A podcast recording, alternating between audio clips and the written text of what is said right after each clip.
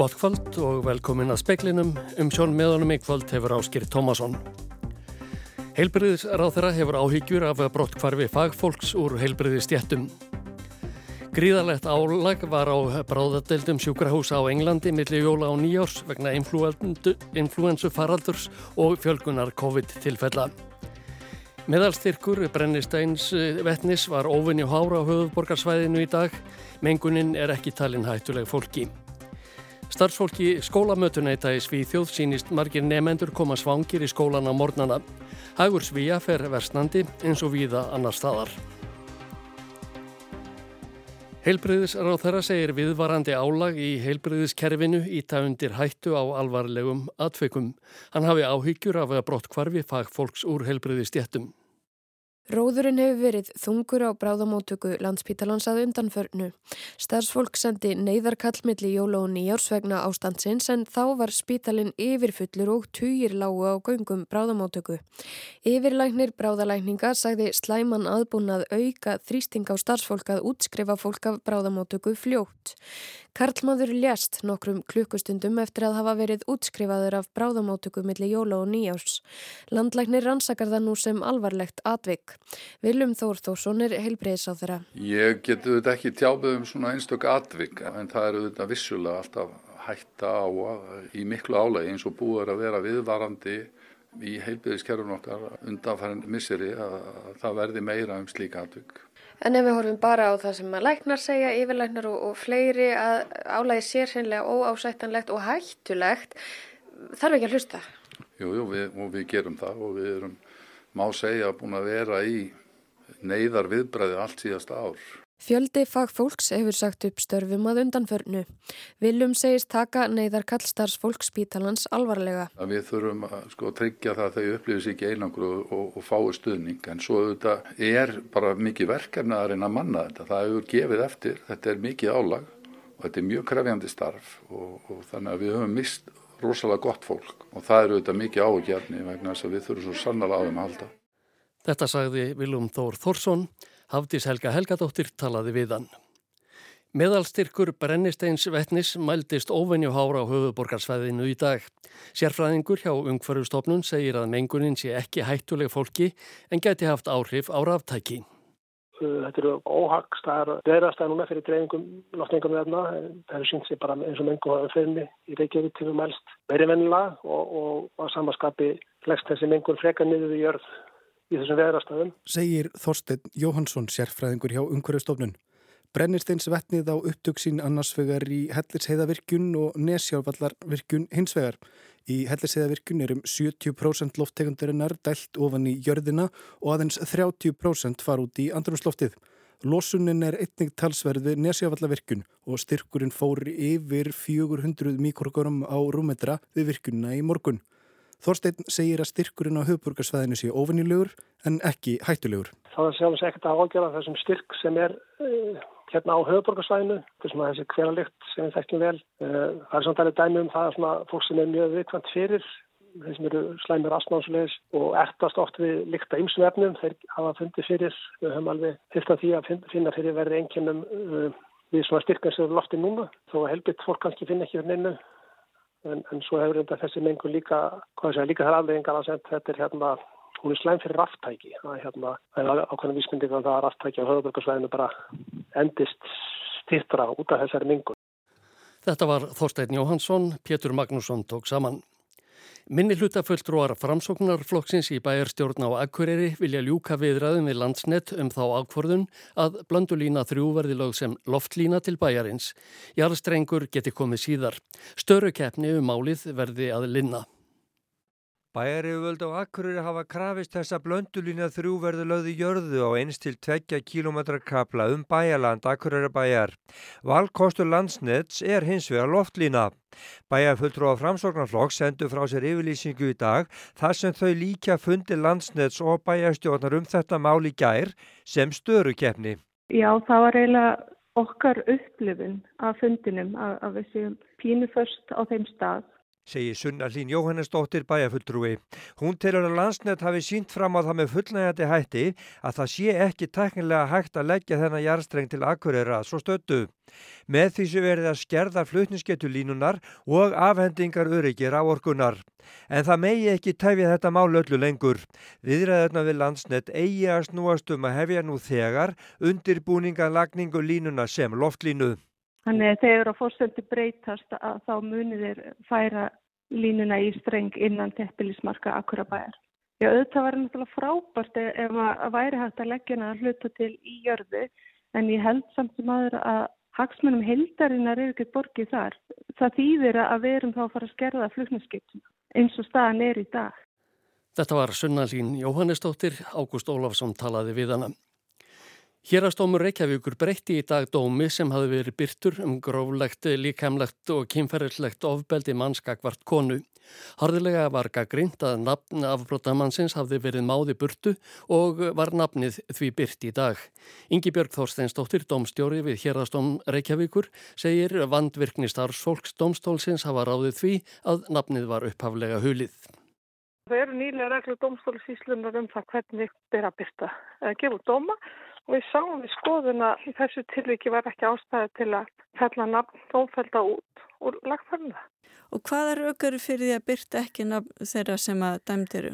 Sko reglurna sem við erum að vísa til eru þess aðeins að það eru bæði nokkuð afdáttarlausar um hvað skal gefa út. Það eru líka matskendar um það hvenar þeirra að gæta nafnlendar og það getur alltaf gert og í þessu tuli gerum menn bara held ég að reyna bara skýringi svo að fólk er að vanda sig eins, eins vel það getur og það hefur þá tekið fleira út en færra og kannski skýringina á því er einhver litið svo að við erum undir og höfum verið undir mikill gaggrinni fyrir að nafnreisa ekki rétt og ekki næjanlega eða gefa út af mikið af, því, af dómum okkar. Þetta sagði Ingi Björg Þorsteinsdóttir, Kristín Sigurðardóttir talaði við hana. Dómsmálaráðunetið hefur áfríjað niðurstöðu hérastóms Reykjavíkur í máli Húseins Húseins og fjölskyldu hans til landsréttar. Húsein er íraskur hælisleitandi sem var vísaður landi á samt móður sinni, bróður og tveimur sistrum í november. Þau voru sendt til Greiklands eftir að hafa dvalið á Íslandi í tæpt tvö ár. Húsein notar hjólastól og brottvísun hans vakti hörð viðbröð. Framganga lauruglu var fordemt þar sem Húsein var lift upp úr hjólastól sínum og inn í lauruglubíl. Í síðasta mánuði komst hérastómur að þeirri niðurstöðu að brottvísun húseins og fjölskyldu hefði verið ólögleg og eh, þeim, er þeim dómi nú áfríðað en í kjölfar hans komu húsein og fjölskylda hans aftur til Íslands. Fugglavinur kom að máli við frettastofu og vakti aðtikli á því að nú var í þörf á að fóðura smáfuggla þessa lands. Hverki sér á dökkan díl og fugglar geta því ekki náð neinu æti af jörðu. Nauðsynlegt er að gefa þröstum og störrum einhverja fytu og kjötafganga, einnig þykja þeir eppli. Snjótillingum er best að gefa venjulegt fugglafóður sem fæst yfirleitt í matveruverslunum og ekki má gleima garminum honum krumma. Nær öll raforka á Íslandi er framleitt með vistvænum hætti. Þetta vita landsmenn og þreytast ekki á að státa sig af á almannafæri. En frá með áramótum þurfa neytendur að borga til að geta skreitt sig með græna stimplinum út af við. Landsvirkjun hætti um áramót að afhenda græn vottorð til smásala raforku á Íslandi án endurgjalds. Þessi stað verða þessi vottorð seld á evróskum markaði. Þetta þýðir að íslensk smásölufyrirtæki, orkanáttúrunar, HS Orka eða Strömlind til dæmis, mega ekki markasetja orkuna sem keftir af landsvirkjun sem græna, nema að greiða fyrir það. Að samaskapi geta fyrirtæki til dæmis í fiskunnslu og landbúnaði ekki auglist að vara þeirra sé framleitt úr grætni orku, nema þessi vottun hafi verið keft. Uppnápetnar hafa fyllt með uh, í heilsölu frá árið 2016 en það hefur bróðið það mikið breyting á markanu síðan þá. Uh, verðið hefur markvaldast, hefur cirka 50 faldast frá 2016 og eins og staðinu núna það er ekki fórsvaganlegt að láta fylgja lengur með. Einnig uh, er það kannski bara ekki í anda kervisins. Votanirnar eru nefnilega mikil svirði. Markasvirði þeirra hefur farið snar hækkandi á liðnum árum, engum síðustu mánuði. Það stendur nú í nýju evrum á megawattstund eða sem nefnur 1,3 krónum á kilowattstund. Sala á vottununum kann að koma Íslendingum spánst fyrir sjónir. Hver ætti að þurfa að votta það að Íslensk orka sé græn? Allir vita jú hver raunverulegur upprunni hennar er. Orkan, hún kemur úr íslenskum virkjunum og þær er að megninu til jarðhita eða vassapsvirkjanir. en kerfið er samið fyrir evróskan markað sem er allur samtengdur. Tökum dæmi af sænskum eggjabónda sem vil kaupa grænt ramagn. Þegar hann stingur ráttæki í samband er engin leið fyrir hann að segja hvort orkan kemur úr þýsku kólaveri, danskri vindmilu eða frönsku kjarnorkuveri. Hvernig á sá að snúa sér sem vil leggja grætni í raforkuframlegslu leið? Þarf hann að koma sér upp eigin raforkunetti? Lausnin er sam-evróst upprunavottunarkerfi raforku. Fyrirtæki sem framleiða orku með vistanum hætti, eins og landsvirkjun, fá þar með heimil til að selja þessi bref sem einhverjir vilja kalla aflátsbref. Við viljum auka hlutdelt endurnýjanlega orku og með því að vera með þessi eh, uppruna vottur eða grænu skiptina sem eru stundu kalluð að það eru framleiðendur uh, endur nýjanlega orku í Európa að fá auka greiðslur fyrir sín orku og verða þannig físilari kostur við ákvarðunum rauninni þegar eitthvað ætlar að fara uh, byggja nýja virk, virkjun að þá verður rauninni físilara að byggja uh, virkjanir fyrir endur nýjanlega orku. Ísland er í þeirri ofennjulegu stöðu að næstum öll raforka er þegar framleitt með grænum hætti. Upprunavottanindnar eru því eins konar öðlind sem landsvirkjun er nú færin að nýta sér. Tekjur af þessari sölu voru um miljardur króna árið 2021 og 2 miljardar í fyrra. Virði vottanana hefur eins og farið hratt vaksandi og haldið að sér má búast við að innan tíðar getur vottaninnar skila landsvirkjun um 15 miljardum króna á ári og öðrum íslenskum raforkuframleðendum um 5 miljardum. Já, þetta er bara mjög jákvæmt fyrir okkur þar sem að Íslandi land endunir orku og hér er einungis framleitt endunirleg rávorka og það getur einni allir uh, framleiðendur hennar á Íslandi fengið þessar auka greiðslur fyrir sína vöru og hún verður einni verðmættari. Nú þegar landsvirkjun er farin að selja vottor til smásala í stað þess að afhenda þau endurgjaldslaust geti það haft áhrif á markaðstarf fjölda fyrirtækja. En hvers vegna í óskupunum ætti einhver að greiða fyrir þessi vottorð? Hvað fæst í staðin? Þetta er unni vottun þar sem þú vart að kaupa staðfest eitthvað því að þú sérst að kaupa og nota endur nýjan orku og með því ert þú að greiða auðvitað fyrir það og þá ertu að styrkja fjárháslega uh, framleiðendur endur nýjan orku sem stöðlaði því að það er að auka hlutdelt endur nýjanlega orku enn meira. Ítarlega var fjallað um sölu landsvirkjunar á upprannavottunum í fréttaskýringaþættinum Kveik árið 2019. Þar voru meðal annars viðraðar áhyggjur íslenskara stórfyrirtækja af því að landsvirkjun seldi þessar vottanir úr landi og um leið þeldist þeirra eigin raforkunótkun ekki græn. Jafnframt kom í ljós að þrátt fyrir að vottanir séu seldar úr landi og heiðurinn að grænu orkunni því raun framseldur virtust íslenskir aðilar á öllum sviðum eftir sem áður státa sig af hreitni raforku. We run state-of-the-art data centers in Iceland that are powered by green and renewable energy. Þú getur ekki átt kökuna og borðaðana, saði Dirk van Everkúren hjá Evrópusamtökum útgefenda uppruna ábyrða. En hann telur vísbendingur um að það sé enga síður raunin. Umhverjusvænasta ál í heimi, segja íslensku álfyrirtækin og vísa til þess að orkan sem þau nýta sé græn. Á sama tíma og einhvert fyrirtæki á meginlandi Evrópu hefur kannski keifti réttin að sama græna stimpli. Therefore, two consumers claim to use the same one megawatt hour and that's not uh, acceptable. Valur segir hins vegar að eftirlit með kerfinu sé ekki á forræði landsvirkjunar. Sko það er ekki okkar hlutverk að fylgjast með þessu. Það eru orkustofnunar og landsnets að þau eru eftirlits aðalarnir og umsjónar aðalar þessa kerfis. En það sem við gerum að við bjóðum öllum okkar vistafinum að kaupa upprunavottorð. Sumir kjósa að gera ekki, sumir kjósa að gera fyrir öllu því magni sem þau nota, sumir kjósa að gera fyrir hluta af, af, af því magni. Þannig að við, við myndum helst vilja að okkar viðstafinu myndi nota þetta. Hins er ekki allir sem sjá sinn hag í því og kjósa að gera ekki og þá höfum við selt skiptinni til annar aðala út í Európu sem að sjá er verðmætt í þeim. Alexander Kristjánsson eh, tók saman og rætti við Val Ægjesson.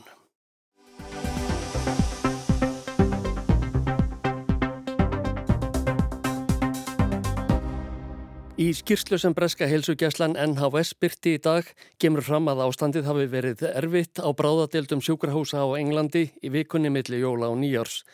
Það endur speglast einna best í því að í meira en fjórum af hverjum tíu skiptum tók það starfsfólkið yfir halva klukkustund að taka við sjúklingum sem komið þongað með sjúkrabílum. Í fjórðungi tilvika var töfin klukkutími eða meira. Sem dæmi um ástandið má nefna að frettamæður Skæ sjónvarps frettastofunar fór á háskóla sjúkrahúsið í Stók á aðfangadag. Hann taldi þar 24 sjúkrabíla sem byðu eftir að koma af sér sjúklingum. Frettamæðurinn hafði eftir starfsmanni sjúkrabíla þjónustunnar í Staffordskýri að flestir hefðu bílarnir orðið 32 framann við sjúkrahúsið á aðfangadag. Þá byðu nokkrir til viðbótar annar staðar við spítalan því að bílastæðið fyrir framann var orðið fullt. Að sögn skýrsluhöfunda var aðal ástæðan fyrir senaganginum svo að óveinu margir vektust af influensu og COVID-19 í vikunni. Hilbriðis yfir völd vonast til þess að ástandið sé að lagast þar sem innlognum hefur fækkað eftir áramótin. Hilbriðis öryggistofnun Bretlands varar þó við bjart síni en sé óvist hvort influensu faraldurinn hafi náð hámarki. Hann er hinn alvarlegasti í landinu í áratug. Að sögn breska ríkisútvarpsins BBC hafa stjórnendur all nokkura sjúkrahúsa til kynntum neyðar ástand. Dæmi eru um að sjúklingar hafi þurft að liggja sólarhingum saman á sjúkrabörum á göngum vegna þess að öll sjúkrarúm voru full. Fresta hefur orðið hefðbundnum aðgerðum vegna álagsins. Haftir eftir Stephen Powys, landlækni, að fyrirfram hafi verið vitað að veturinn yrði sennilega svo erfiðasti í sögu opimberu heilbriðistjónustunnar NHS. Hann þakkaði starfsfólkinu fyrir að hafa náðað hlúa að öllum þeim fjölda sem þurfti að leggjast inn á sjúkrahús, engum vegna influensu og COVID. BBC hefur eftir eh, Steve Barclay, helbriðisráð þeirra, að eh, vissulega hafi verið umtalsvert álag á sjúkrahúsun á undanförnu. Stjórnvöldu gerir sér grein fyrir stöðunni. Þau hefur reitt fram fjöð til að fjölga plásum á sjúkrahúsum, ebla heima hjúkrun og greiða fyrir því að fólk sem ekki þarf lengur að líka á sjúkrahúsi fái ummönnun annar staðar. En það hefur aldrei verið brýtnaði núna að fólk láti bólusetja sig gegn influensu og COVID til að draga úr álægi á neyðar þjónustu sjúkrahúsana bætir heilbriðis ráþarann við. Rísi Súnak forsættist ráþara rætti vandamál heilbriðis þjónustunar þegar hann fór í vikunni yfir forgangsmálefni ríkistjórnarinnar á nýbyrjiðu ári. Hann hvaðst vera sér vel meðvitaður um vandamál heilsugjæslunar og mikilvægi þess að bæta um betur. Enda væri hann læknissonur og hefði á unglingsárunum unnið í livjabúð móður sinnar. My dad was a doctor. I grew up working in my mum's pharmacy. I saw day in, day out the devotion they gave to their patients. And my record demonstrates how important those memories are to me. Súnak bætti við að hann hefði séð þá hotlustu sem foreldrar hans síndu sjúklingunum, þessar minningar úr æsku væri honum kærar. Súnak sagði að háum fjárhæðum erið varið til að styrkja helbriðiskerfið, fjölga læknum og hjúkrunarfræðingum til muna og reysa ný sjúkrahús. Þetta endur tók hann þegar hann rætti við fréttamenn í Lundunum í dag. Hann sagði stjórnvöld ætla að leggja höfuð áherslu á að fjárveitingarnar kemi fólki í framlínunni til góða. If we can move people into social care, that's why we've put money into doing that. We need to make sure that money reaches the front line and makes a difference. Verkföll hafa aukið á vanda helbriðiskerfi sinns að undanförnu. Bresk stjórnvöld áforma að leggja fram tillegur um breytingar á vinnulögugjöfinni. Það er meðið að því að skerða verkfallsréttin og réttindi fólks í verkfalli. Súnak sagðist í dag hafa bóðað leiðtóastjættarfélaga til viðræðina á mánudag og hvaðst von góður um að þær yrðu áranguls ríkar. Náið þessar breytingar fram að ganga, segir fórsættis ráð þeirra, að vinnulöggefin í Breitlandi verði svipuð og í Fraklandi, á Spáni, Ítalíu og víðar.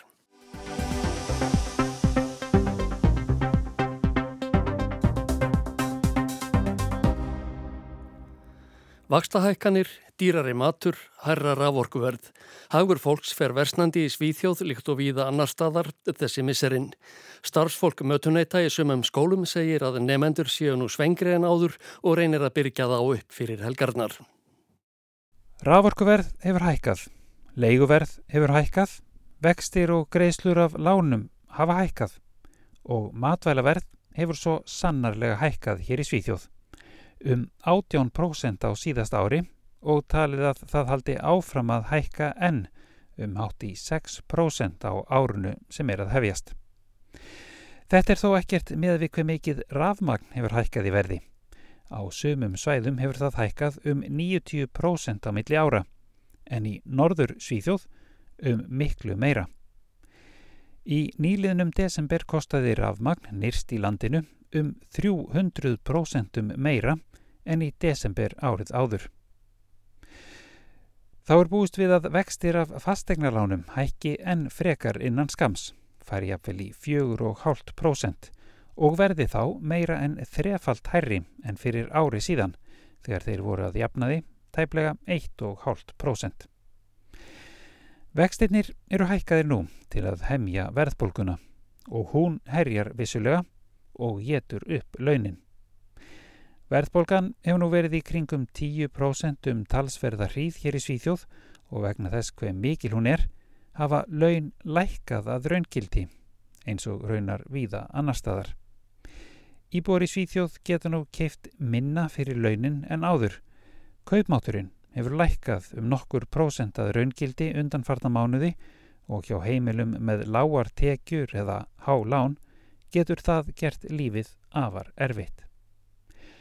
Þraung fjárrakstada byrtist á ymsan hátt. Í Södertelje, skamt frá Stokkólmi, hafa starfsmenn í skólamötuneytum tekið eftir breytingunni. Þegar bladamenn Aftonbladet gerðu sér ferð þangað nýlega, var þeim tjáð að nefndunir væru margir hverjir miklu svengri en áður. Fleiri borðuðu í mötuneytinu, bæði oftar og meira, sérstaklega á mánudögum eftir helgina.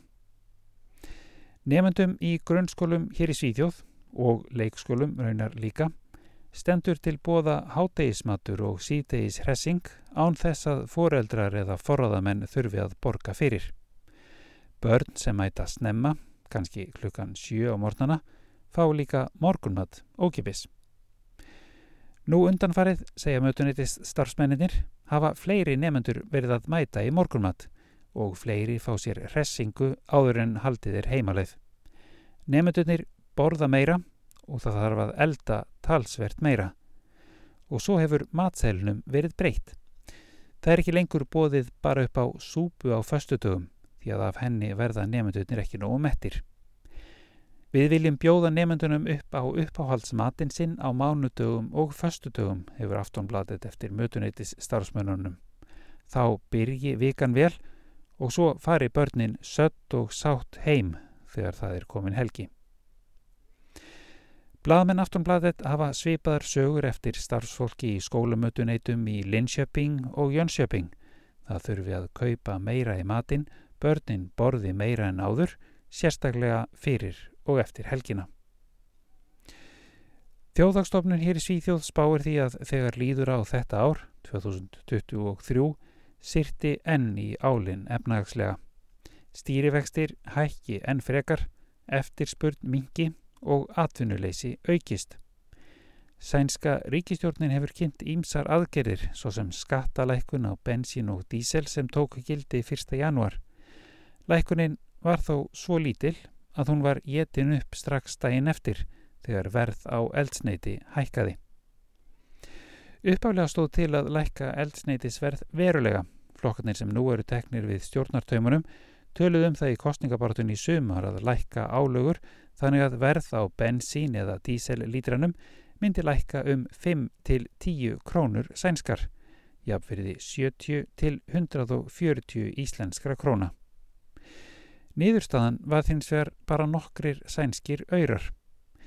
Þá var líka lofað í aðdraðanda kostningana að setja einhvers konar hámark á það hver mikið heimili þyrtu að greiða fyrir rafmagn og svo aðgerð átti að vera tilbúin 1. november.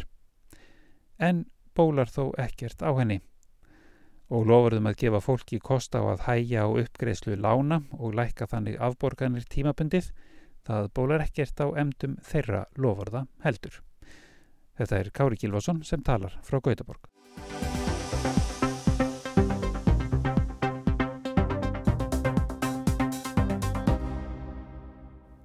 Um leið og landsmenn sprengja burt jólinn er við hæfi að gera upp jólagjafir ráðherrana. Þær streymdu aður öllum áttum og fjölbreytnin var mikil. Rauðvinsflöskur, bækur og liklakippa voru meðal þess sem ráðherranir fengu að gjöf.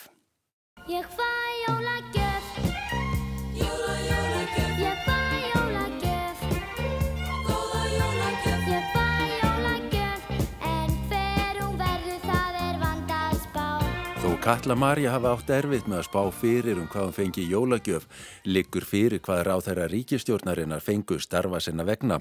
Ráþærarnir eru tólf og fá gjafir úr ýmsum áttum. Erlendi ráðamenn og senderar komu færandi hendi, sömuliðs rítöfundar og leikús.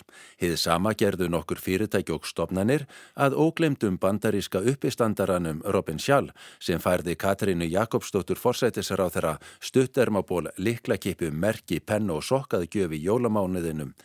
Katrín fekk líka ostakörfu frá kaupfélagi skakfyrringa, sukulæðkúlu frá sendinemnd Evrópusambansins og frá kínverska sendiherranum fekk hún rauðvinsflösku, kampavinsflösku, te og dagatal eins og reyndar aðrir fórustumenni ríkistjórnarinnar. Af mörg er að taka. Sigurður Ingi Jóhansson, innviðar á þeirra, fekk til dæmis dagatal frá japanska sendiráðinu, síld frá loðnuvinnslunni og konfekt frá stjórn og starfsfólki betri samgangna. Bjarni Benediktsson fjármálar á þeirra fekk tvo miða á frumsýningu Elenar B. frá þjóðleikúsinu og ekki mótti borgarleikúsið vera minna, gaf fjóra miða á frumsýningu mátulegra. Hann fekk líka húskarla hangikjöt frá kjarnafæði og eina dós af bjórnum grílu frá samtökum íslenskra handverkshúsa.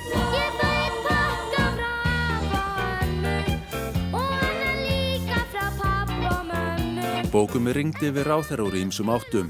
Ferðasaga frá Grænlandi, spennusaga Irsu Sigurðardóttur, nýjirðabókum Jónas Hallgrímsson og endurútgefin málsvörd frá átjóndöld um að Íslands sé ekki Barbaraland er meðal þess sem ráþeirar gáttu lesum jólinn.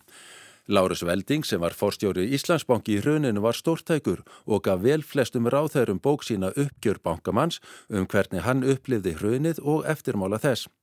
Svo voru það dagatölin og konfektið, vínflöskurnar sem voru ófáar og tveir ráþeirar fengu servéttur. Gjafir sem ráþeirar þykir almennt tilgreindar á vef stjórnaráðsins. Fréttastofa sendi fyrirspurn og spurði meðal annars út í verðmæti gjafa og hvað verður um þær. Í flestum svörum segir að ekki hafi verið gert tilraun til að meta verðmætið. Gjafir sem félags- og vinnumarkasar á þeirra fjekk voru þó metnar á 16.000 krónur. Það sem dómsmálar á þeirra fjekk voru varlataldar meir en 20.000 krónu virði. Sára á þeirra sem fjekk verðmætustu gjafirnar, samkvæmt áætlunar ráðuneytisins, er menningar og viðskiptar á þeirra. Þær eru metnar á 125.000 krónur. Þó getur verið að samanlagt verðmæti gjafa sem einhver hinnar á þeirrana fjekk hafi verið meira, það hefur einfallega ekki verið metið. Engin er á þeirra afþakkað jólagjöf þetta árið og þó að frettamanni hafi misfarist að spyrja, má gera ráð fyrir að engri gjöf hafi verið skipt. Reyndar er almennareglan svo að ráð þeirra meiga njóta minniháttar gefa sjálfur eða skilja þær eftir í ráðuneytinu, þar sem þeim er þá fargað í lok ráð þeirra tíðar.